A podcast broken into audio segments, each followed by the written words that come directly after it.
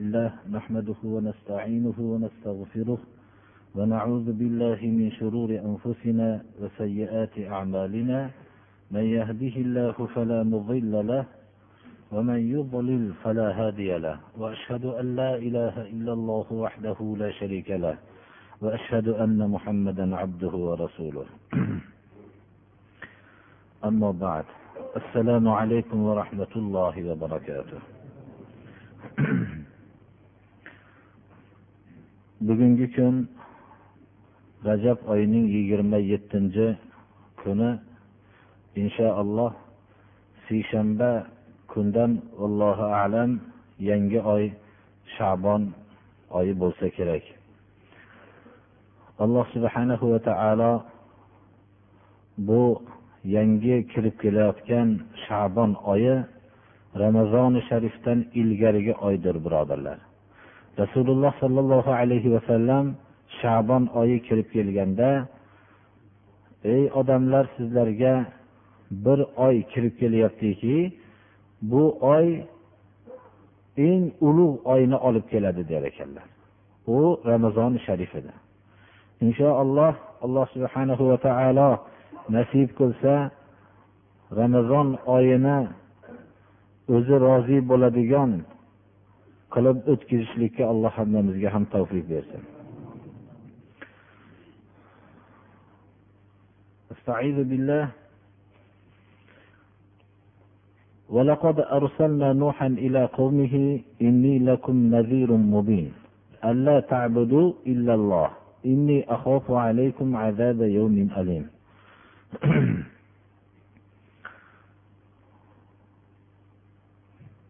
subhanahu va taolo mana bu surai hudda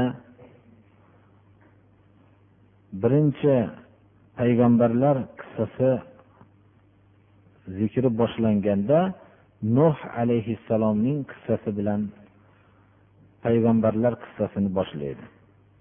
Nuh alayhissalom ikkinchi odam. Odam alayhissalomdan tarqalgan avlod nuh alayhissalomgacha ko'p bir o'zgarishlarni vujudga keltirishdi. Ular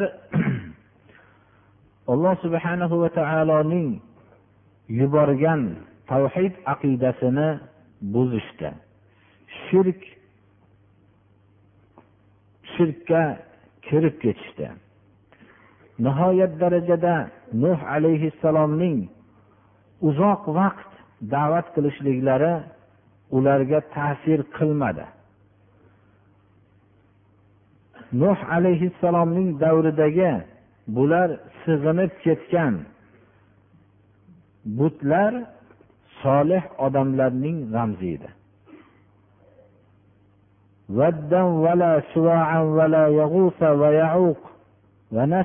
Bu kalimalar hammasi nuh alayhissalomning qavmidagi solih odamlarning nomlari edi.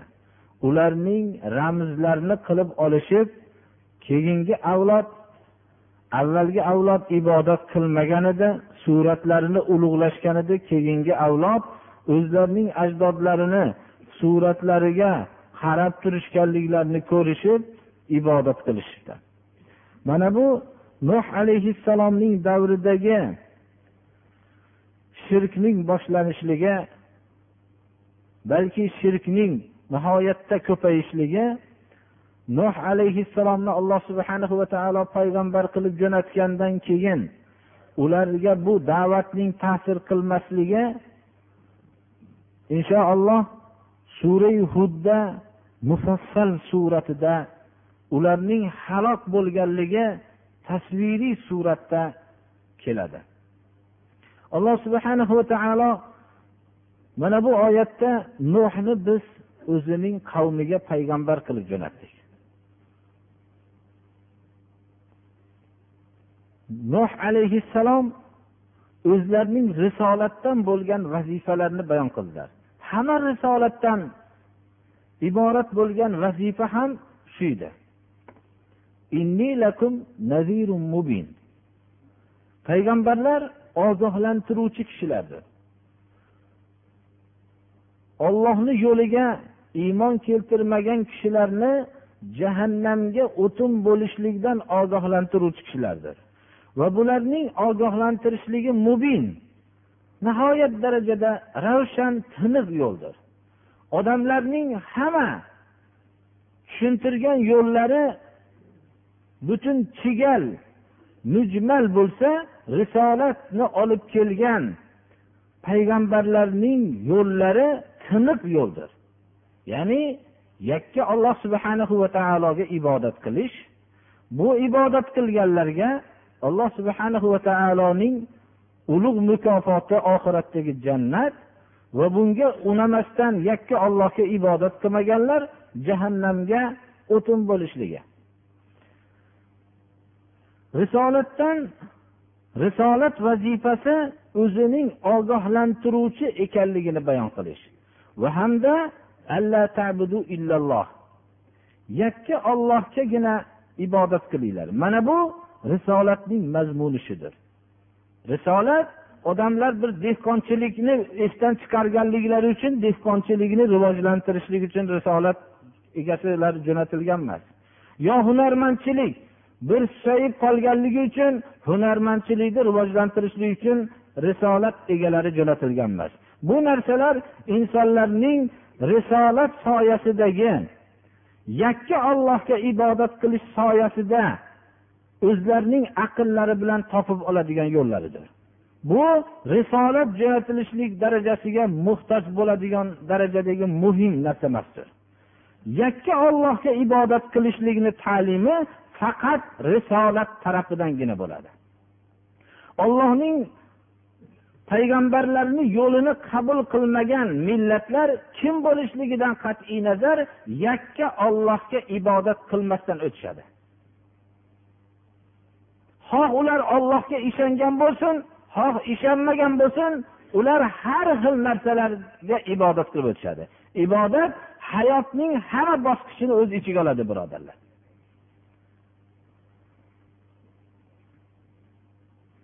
Ollohni buyurgan buyurgan hukmlarini qabul qilmasdan boshqalarning hukmlari asosida ish olib borganlar ollohdan boshqaga ibodat qilganlardir.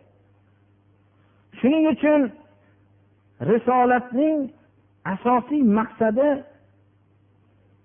ochiq bir ogohlantirish va risolatning mazmuni yakka ollohga ibodat qilishlikni ta'lim berishlikdir. Mana nuh alayhissalom birinchi payg'ambarlardan hisoblanadi. Vahiy kelgan payg'ambarlarning birinchisidan hisoblanadi. Nuh alayhissalomni alloh subhana va taolo o'zining qavmiga jo'natdi. Va bu kishi ochiq ogohlantiruvchiman deb xalqqa risolat maqsadini bayon qildilar va yakka ollohga ibodat qilinglar deb risolatning mazmunini bildirdilar. Agar bu hukmni qabul qilmasanglar yakka ollohga bo'lgan ibodatni hayotinglarda mujassamlashtirmasanglar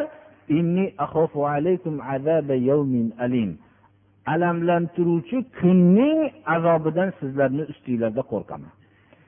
Kun qiyomat kuni oxirat kuni.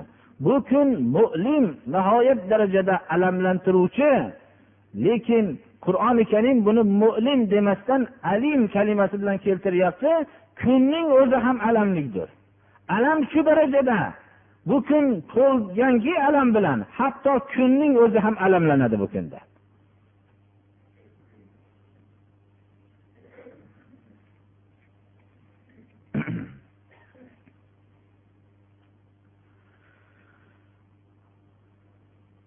Payg'ambarlar kelganda asosiy qarshi bo'lgan odamlar saroy odamlari bo'ldi. Tarix shuni ko'rsatadi. Islom hozirda ham shu birodarlar. Qachonki risolat egalari olloh tarafidan jo'natilinishganda bularning yo'llarini qabul qilmagan butun mala ya'ni saroy odamlari shuhratlik xalqlar o'rtasida hurmat qozongan odamlar risolat yo'lini qabul qilmaslikning birinchi safida turishdi فقال الملأ الذين كفروا من قومه ما نراك إلا بشرا مثلنا وما نراك إلا اتبعك إلا الذين هم أراذلنا بادي الرأي وما نرى لكم علينا من فضل بل نظنكم كاذبين nima uchun saroy odamlari va shuhratli odamlar risolatga qarshi chiqishadi? Risolat zaif odamlarning qalbida ularning dodiga yetadigan yo'lni faqat alloh subhanahu va taolo tarafidan kelgan payg'ambarlargina olib kelgan. Shuning uchun ular mazlumlar istagan yo'ldir. Saroy odamlari va xalqlar o'rtasida soxta obro'lar bilan shuhrat qozongan odamlar aksarlari xalqqa zulm qiladigan soxta obro'larni qo'lga keltirgan odamlar bo'ladi. Shuning uchun payg'ambarlarga birinchi qarshi chiqqan odamlar xalqlar o'rtasidagi shuhratli odamlar bo'ladi va birinchi ergashgan odamlar zaif muhtoj odamlar bo'ladi.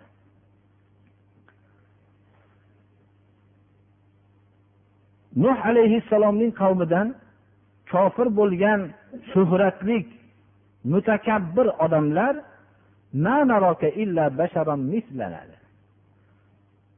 bizga o'xshagan sen ham bir insonda. Insonsan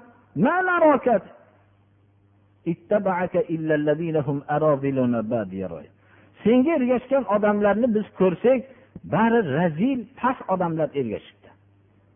Va nihoyatda rayi zaif fikri sayoz bo'lgan odamlar ergashibdi. Deyishdi. Haqiqatda ham hozirda ham xuddi shunday deyishadi birodarlar agar bir haqiqat islomdagi haqiqatni aytsangiz birinchi zaif odamlar shunga labbay deydi. Va qalbida haqiqatni istagan yoshlar bunga labbay deydi. Shuni qabul qilishlik bilan shuhratli odamlar xitob qiladiki bunga ergashayotgan odamlar oddiy fikri sayoz odamlar va hech qanday narsaga aqli yetmagan tajribasiz odamlar ergashyapti deydi. Qur'oni karim nuh alayhissalomni davrini bizga hikoya qilib beryaptiyu ammo hozirgi bizni voqeamiz haqida gapirilayotganga o'xshaydi. Qur'on o'zining mo'jizasi sirlaridan bittasi shudir birodarlar.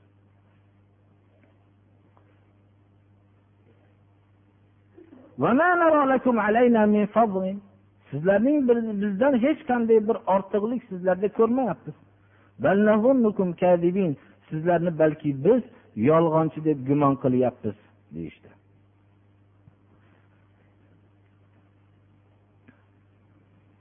Bu insonlarning johillarni qalbida o'rnashgan shubhasidir birodarlar.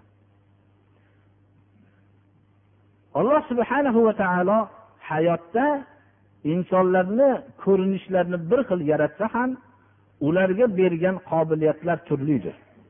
Buni har qanday odam tan oladi. Bir joyda yashagan insonlarning bir millat bo'lib yashagan insonlarning ko'rinishda bir xil bo'lgan insonlarning ba'zilariga bergan qobiliyat bilan shunday farq qilishadiki bu boshqa bir mavjudot boshqa yerda tarbiya topgan odamga o'xshaydi. Boshqa sayyorada tarbiyalanganga o'xshaydi. Alloh subhanahu va taoloning bergan qobiliyati bir joyda bir millat bir xil tilda gaplashgan odamning shu darajada farqlik qilib yuboradi. Alloh subhana va taolo o'zining risolatini kimga berishligini yaxshi biladi. Mana bu qobiliyatlarning turli bo'lishligini hamma tan oladi. Lekin risolat bu qobiliyatdan tashqari narsa birodarlar. Alloh subhanahu va taoloning o'zining bir oliy marhamati bu. Inson toqatini shunga qodir qilib turib risolat egasi qilishlikdir. Alloh subhana va taoloning payg'ambarlarini faqat payg'ambarlargina biladi.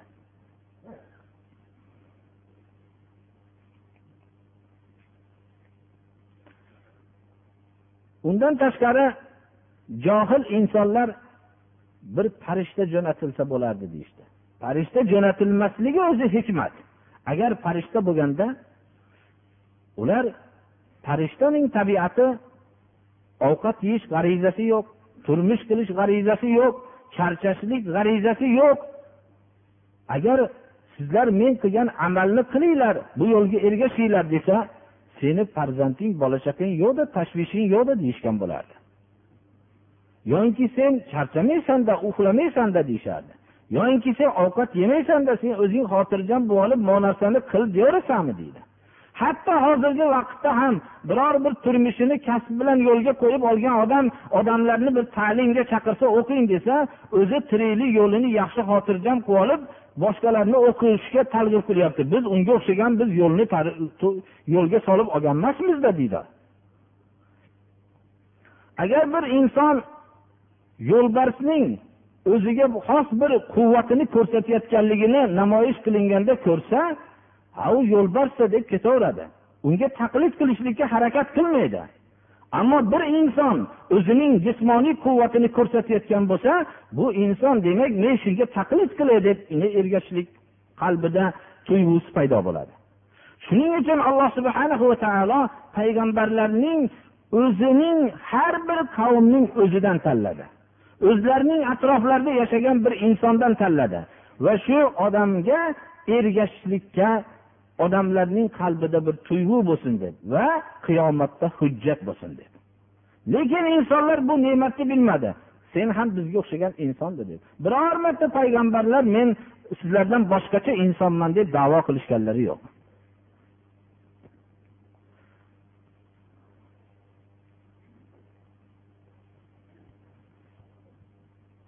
قال يا قوم أرأيتم إن كنت على بينة من ربي وآتاني رحمة من عنده فعميت عليكم أنلزمكموها وأنتم لها كارهون nuh alayhissalom xitob qildilar ey xalqim dedilar payg'ambarlar biror marta o'zlariga qarshi chiqqan insonlarga ey hayvonlar deb xitob qilib ey majnunlar deb xitob qilib yubormadi ular. Ya qavmi dedilar ey xalqim dedilar.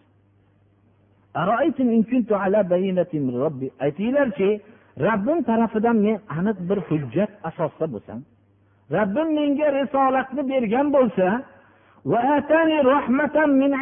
o'zini tarafidan menga rahmat jo'natgan bo'lsa sizlarga bu ko'rsatilmagan bo'lsa shunday bo'lgan bo'lsa mumkin bunda bir boshqa bir alloh subhana va taolo tarafidan bir rahmat bo'lmasa bu bizni ichimizda bir yolg'on so'zlamagan edi pokiza inson edi. Bunga albatta alloh subhana va taolo tarafidan bir rahmat kelgandir deb o'ylasanglar bo'lmaydimi? deb nuh alayhissalom ularga nihoyatda mehribonlik bilan xitob qildilar. Bizning risolatimizni sizlar yoqtirmagan holatinglarda biz bunga majbur qilarmidik dedilar. Tavhid aqidasiga bashariyat tarixida biror daqiqa majbur qilingani yo'q. Islomda majburlik yo'q. La ikroha din. Aqidani tanlab olishlikda majburlik yo'q. Xohlagan aqida islom aqidasini qabul qilib jannatga dohil bo'lsin xohlagan jahannamga o'tin bo'lsin qabul qilmasdan. Nuh alayhissalom aytdilarki meni olib kelgan aqida risolatni tasdiqlamasdan sizlar yoqtirmagan holatinglarda biz majbur qilarmidik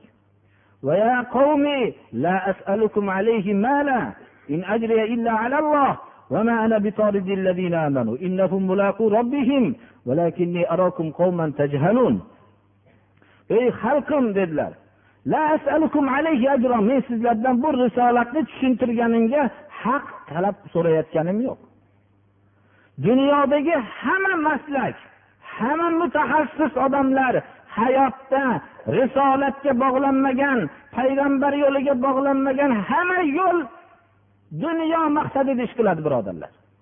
Hatto yuzini qizartirib qalpog'ini teskari kiygan masxaravoz ham o'zining inson bo'lganligiga attan qilib hayvon shaklida maydonga chiqqan ham odamlardan bir mol talab qilib chiqadi. Go'yoki uni turishidan bu o'zi inson bo'lganligiga bir qattiq bir attan qilgan kishilar shekilli deb gumon qilasiz odam uni ko'rsangiz mana bu payg'ambarlargina xizmat haqqini talab qilishgan emaslar. Ular talab qilishganlar. Ular ollohdan talab qilishganlar. Olloh va'da qilgan ularga mukofotni sizlarga shu risolatni xalqlar ho yaxshi ko'rsin xoh ozor bersin. Xoh sizlarni ursin. Xoh o'ldirsin.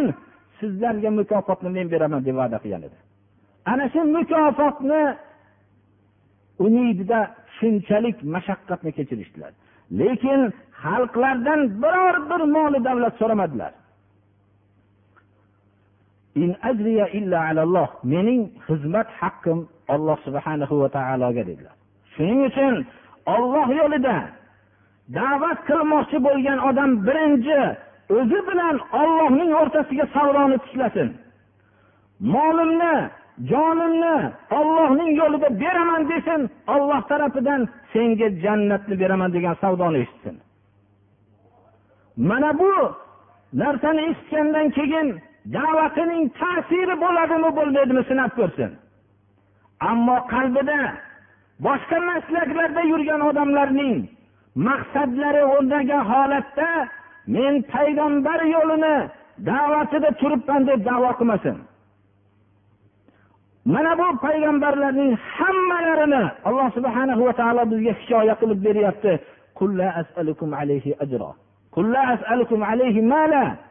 Men xizmat haqqi sizlardan so'ramayman. Men sizlardan mol so'ramayman deb e'lon qilsin. Va hamma molning egasi bo'ladi shu odam. Rasululloh sollallohu alayhi vasallam yer kurrasidagi hamma davlatmanlarga marhamat qila oldilar. Hatto o'zlarining ashaddiy dushmanlariga ham hisobsiz marhamatlarni qila oldilar. Islomning ashaddiy dushmanlaridan edi. Islomni qabul qilmagan edi ammo asir bo'lib turgan edi.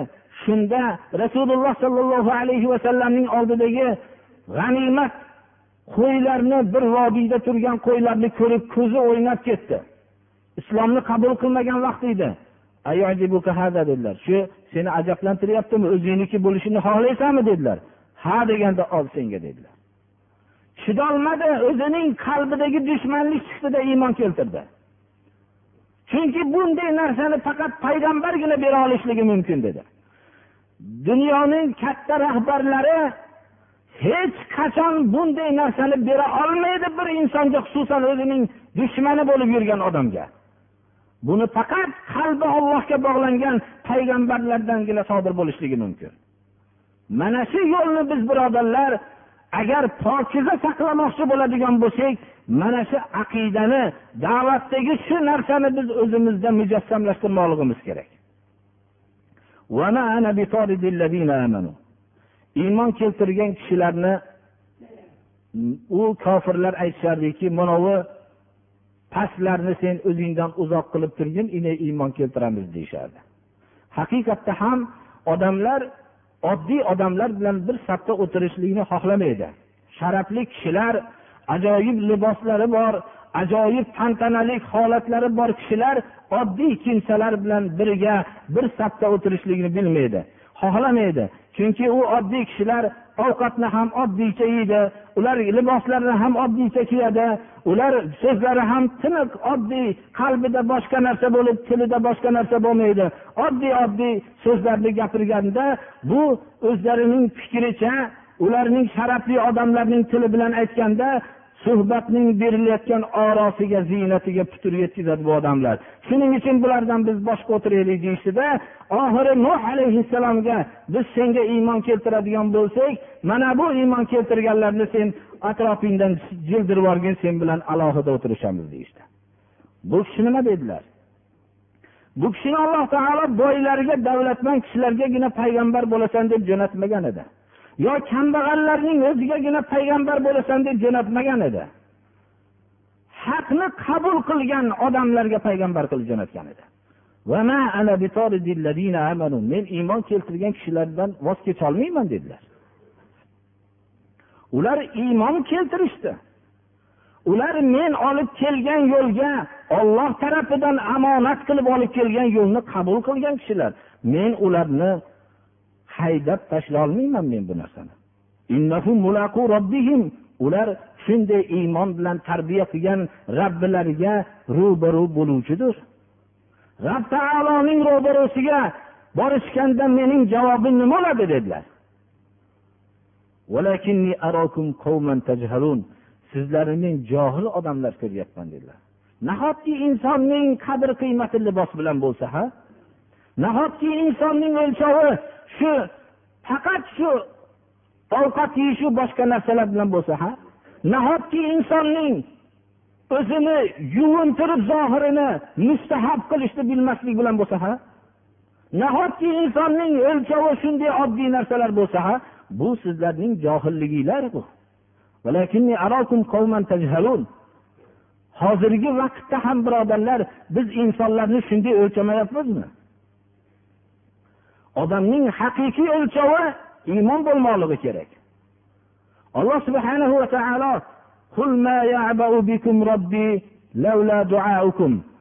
robbim sizlarni e'tiborga olmaydi agar iymoninglar bo'lmasa deyapti. Ayting buni ey muhammad alayhissalom deyapti alloh taolo.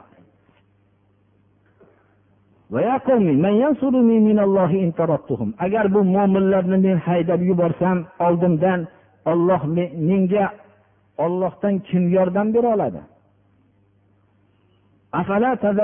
Fikrlamaysizlarmi?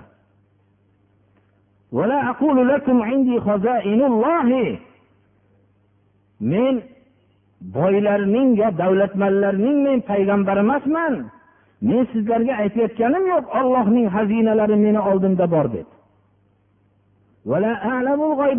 G'aybni men bilmayman men. Malak. Men sizlarga farishtaman deb aytayotganim yo'q.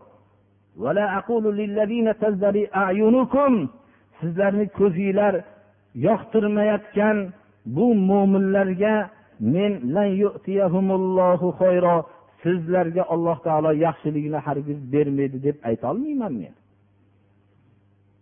Mumkin alloh subhanahu va taolo bularga sizlardan ko'p davlatlar berar. Allohu alamu bima fi anfusihim. Olloh ularning qalblaridagi yaxshilikni biluvchiroqdir. Men odamlarning iymon o'lchovi bilan o'lchamasam unda zolimlardan bo'lishligimda shak shubha yo'q bo'lib qoladi. Risolat egasidan bunday xatoni sodir bo'lishligi mumkin emas birodarlar.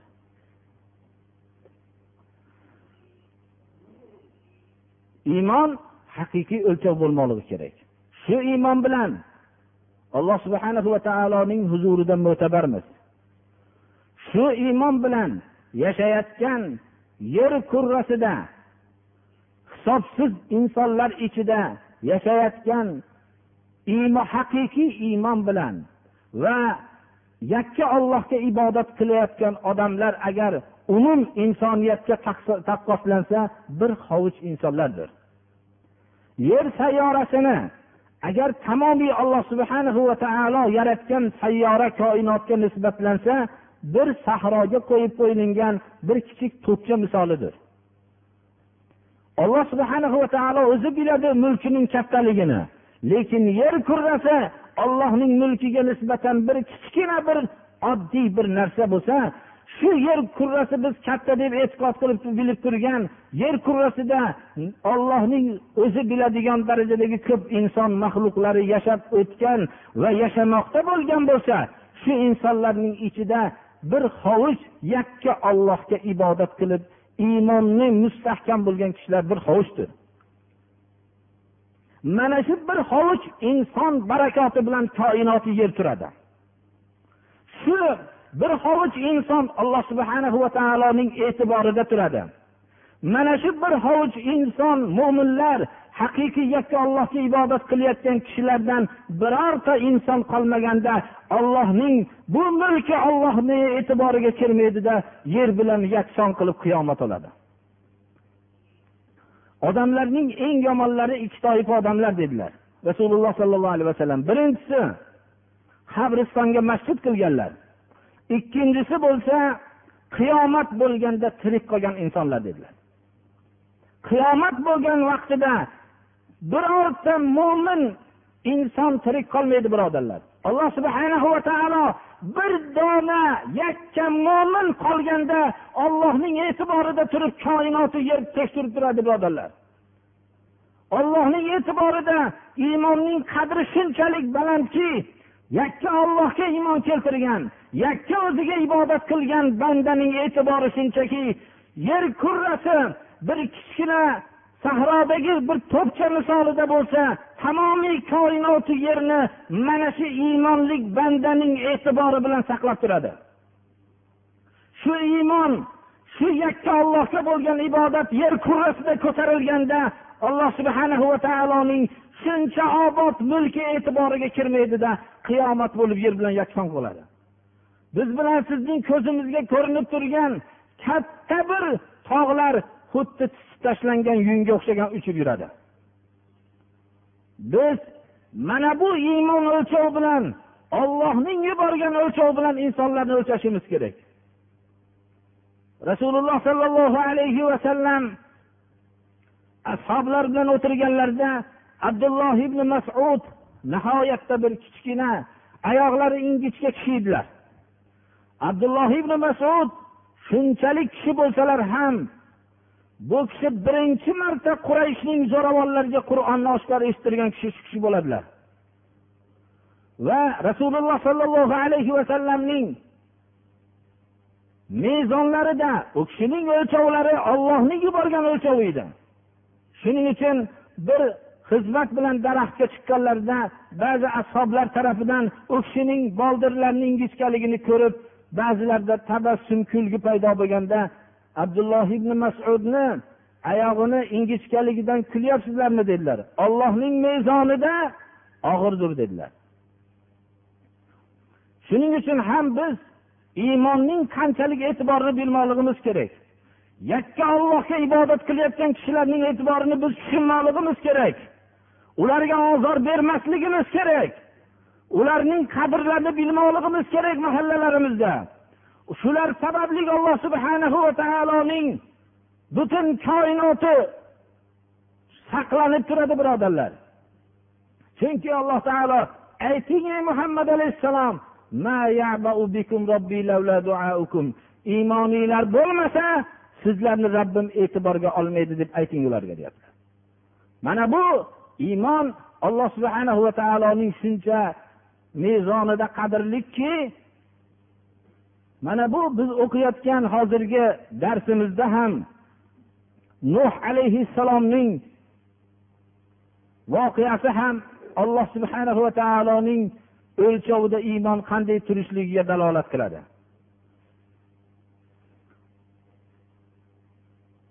Darsimizni asosiy taraflarini biz tavhidga qaratishimizdagi sir ham shundan iborat birodarlar. Alloh subhanahu va taolo tavhid ahlini doim umrlarini uzun qilsin. Tavhid ahlini alloh subhanahu va taolo sobit qadam qilsin. Mushrik kofirlarning ularga bo'lgan qarshiliklariga sabr qiladiganlardan qilsin.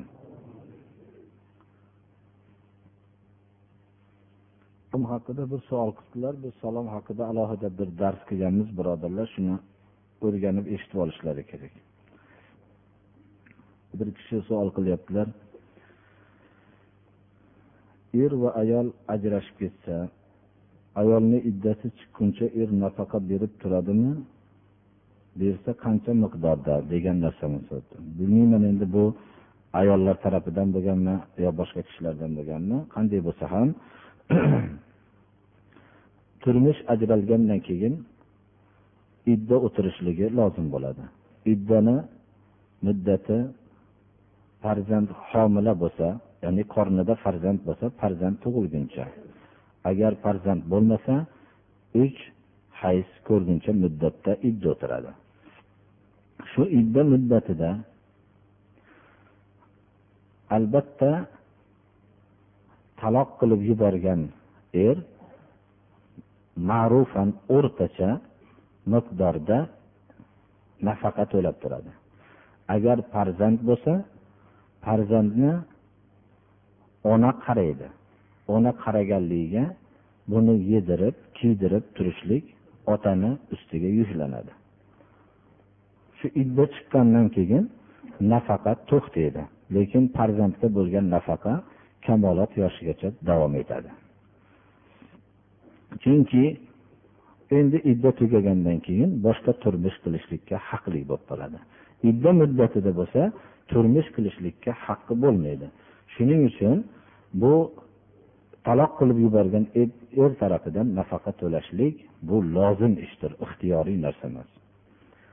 Shu munosabat bilan ba'zi bir ayollar tarafidan shu savol ham bo'lgan ekan.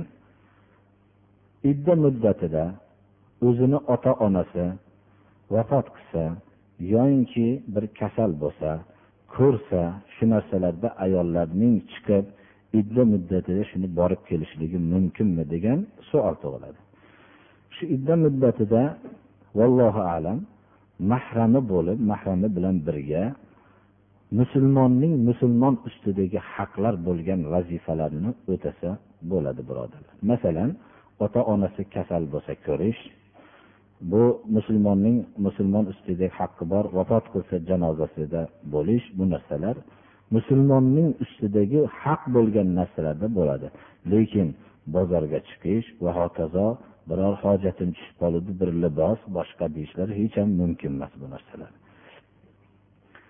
Ya'ni o'zining ziynat bermagan holatda bo'lishligi shart idda muddatida hech qachon o'zining kiyinishida va yurish turishida o'zi sovchi keladiganligiga tayyorgarlik ko'rish holatida bo'lishlikdan qat'iy man qilingan. Buni ham aytib o'tganmiz darslarimizda aytgan narsalarga kifoyalantirdik. Mabodo er kishi bironta bir turmush qurmoqchi bo'lsa shunda iddada o'tirgan ayolga ta'rif qilishlikka imkoniyat bor. Masalan shu ayol eshitadigan holatda bir qator o'tirish shunga o'xshagan bir holat bo'lgan bo'lsa borib aytmaydi biz ham bir soliha ayolga bir turmush qilishlikka muhtoj bo'lib qoldik deb umuman bu nima qilib sovchi jo'natish emas birodarlar ta'rif kalimasi bo'lishligiga ruxsat bor. Ammo ochiq aytishlikdan qattiq man qilingan. Bu narsa harom bo'ladi. Ota haqida so'rabdilar. Ya'ni uch yildan beri bitta palos bitta gilam to'satdan topilib qolgan edi deyaptilar.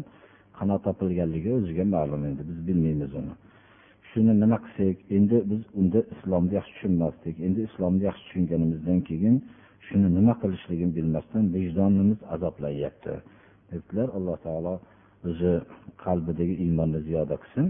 Buni yo'li shuki bitta palos bitta gilam albatta pulli narsa bo'ladi. Pulli narsani shu topilgan joyda shu narsani e'lon qiladi.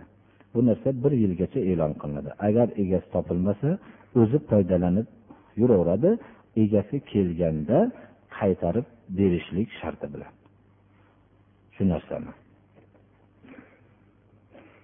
Yilgacha bo'ladi. Ozroq pulli narsalar bir hafta bo'ladi. Undan ham oz narsalar bir kunga bo'ladi.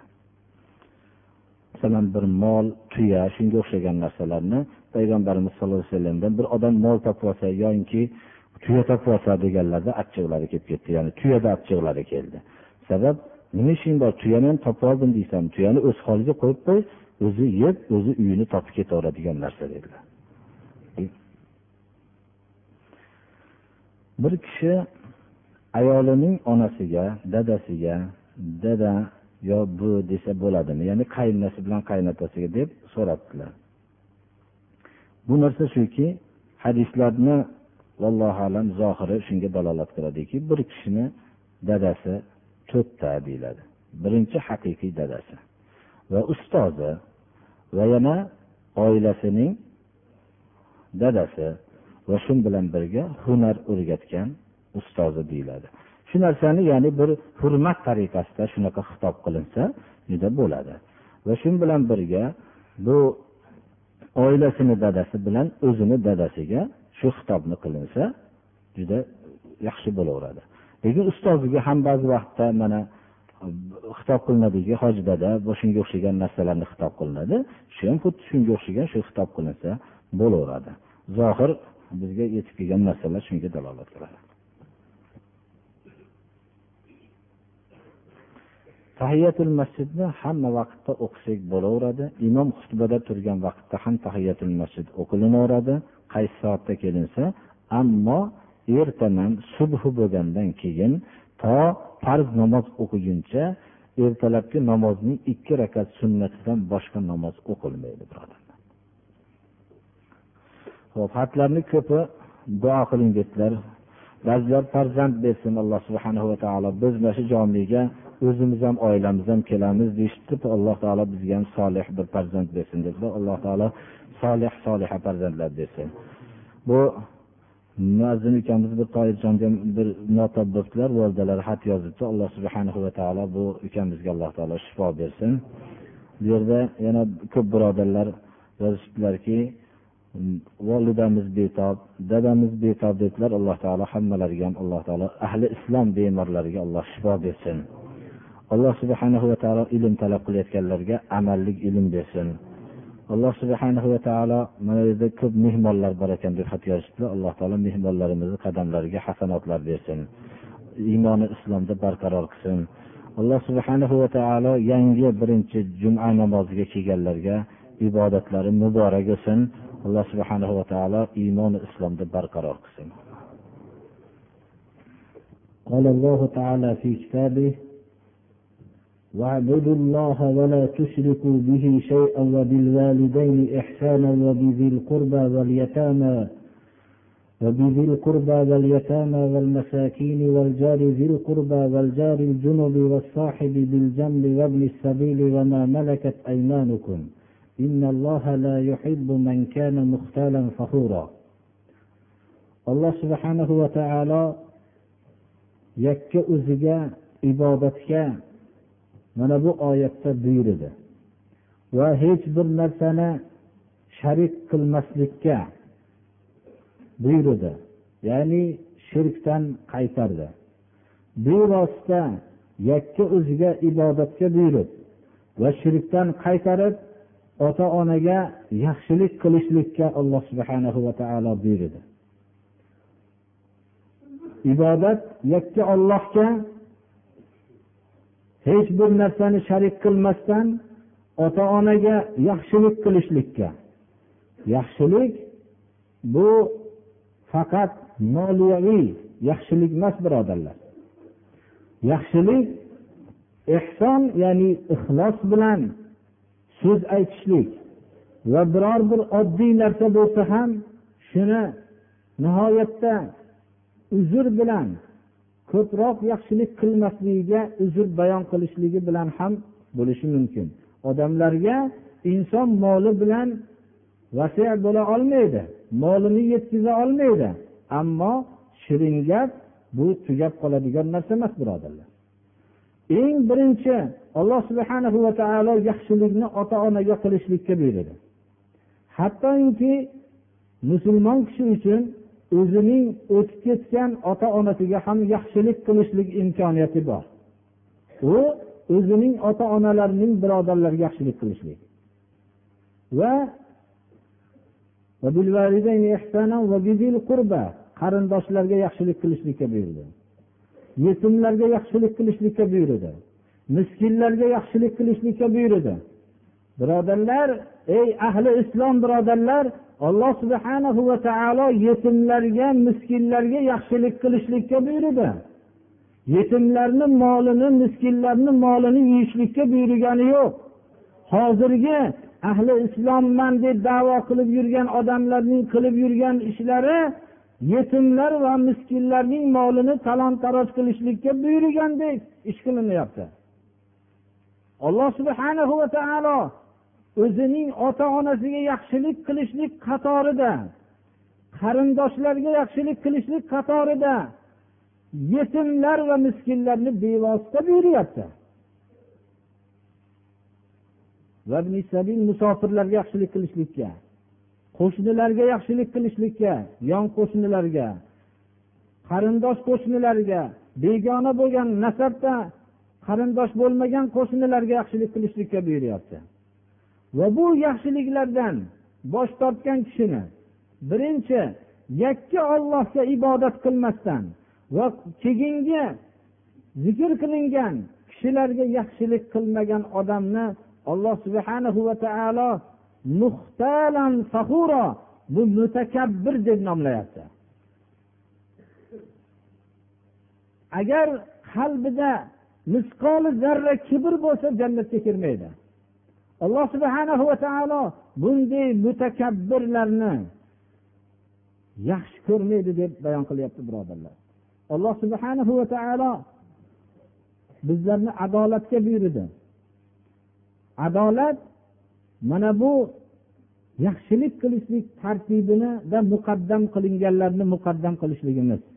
Ota onani qarindoshlarni muqaddam qilish va yetimlarni miskinlardan ham muqaddam qilish miskinlarni musofirlardan muqaddam qilish musofirlarni qo'shnilardan muqaddam qilish mana bu adolat qilishlikka yaxshilik qilishlikda ham olloh menga buyurdi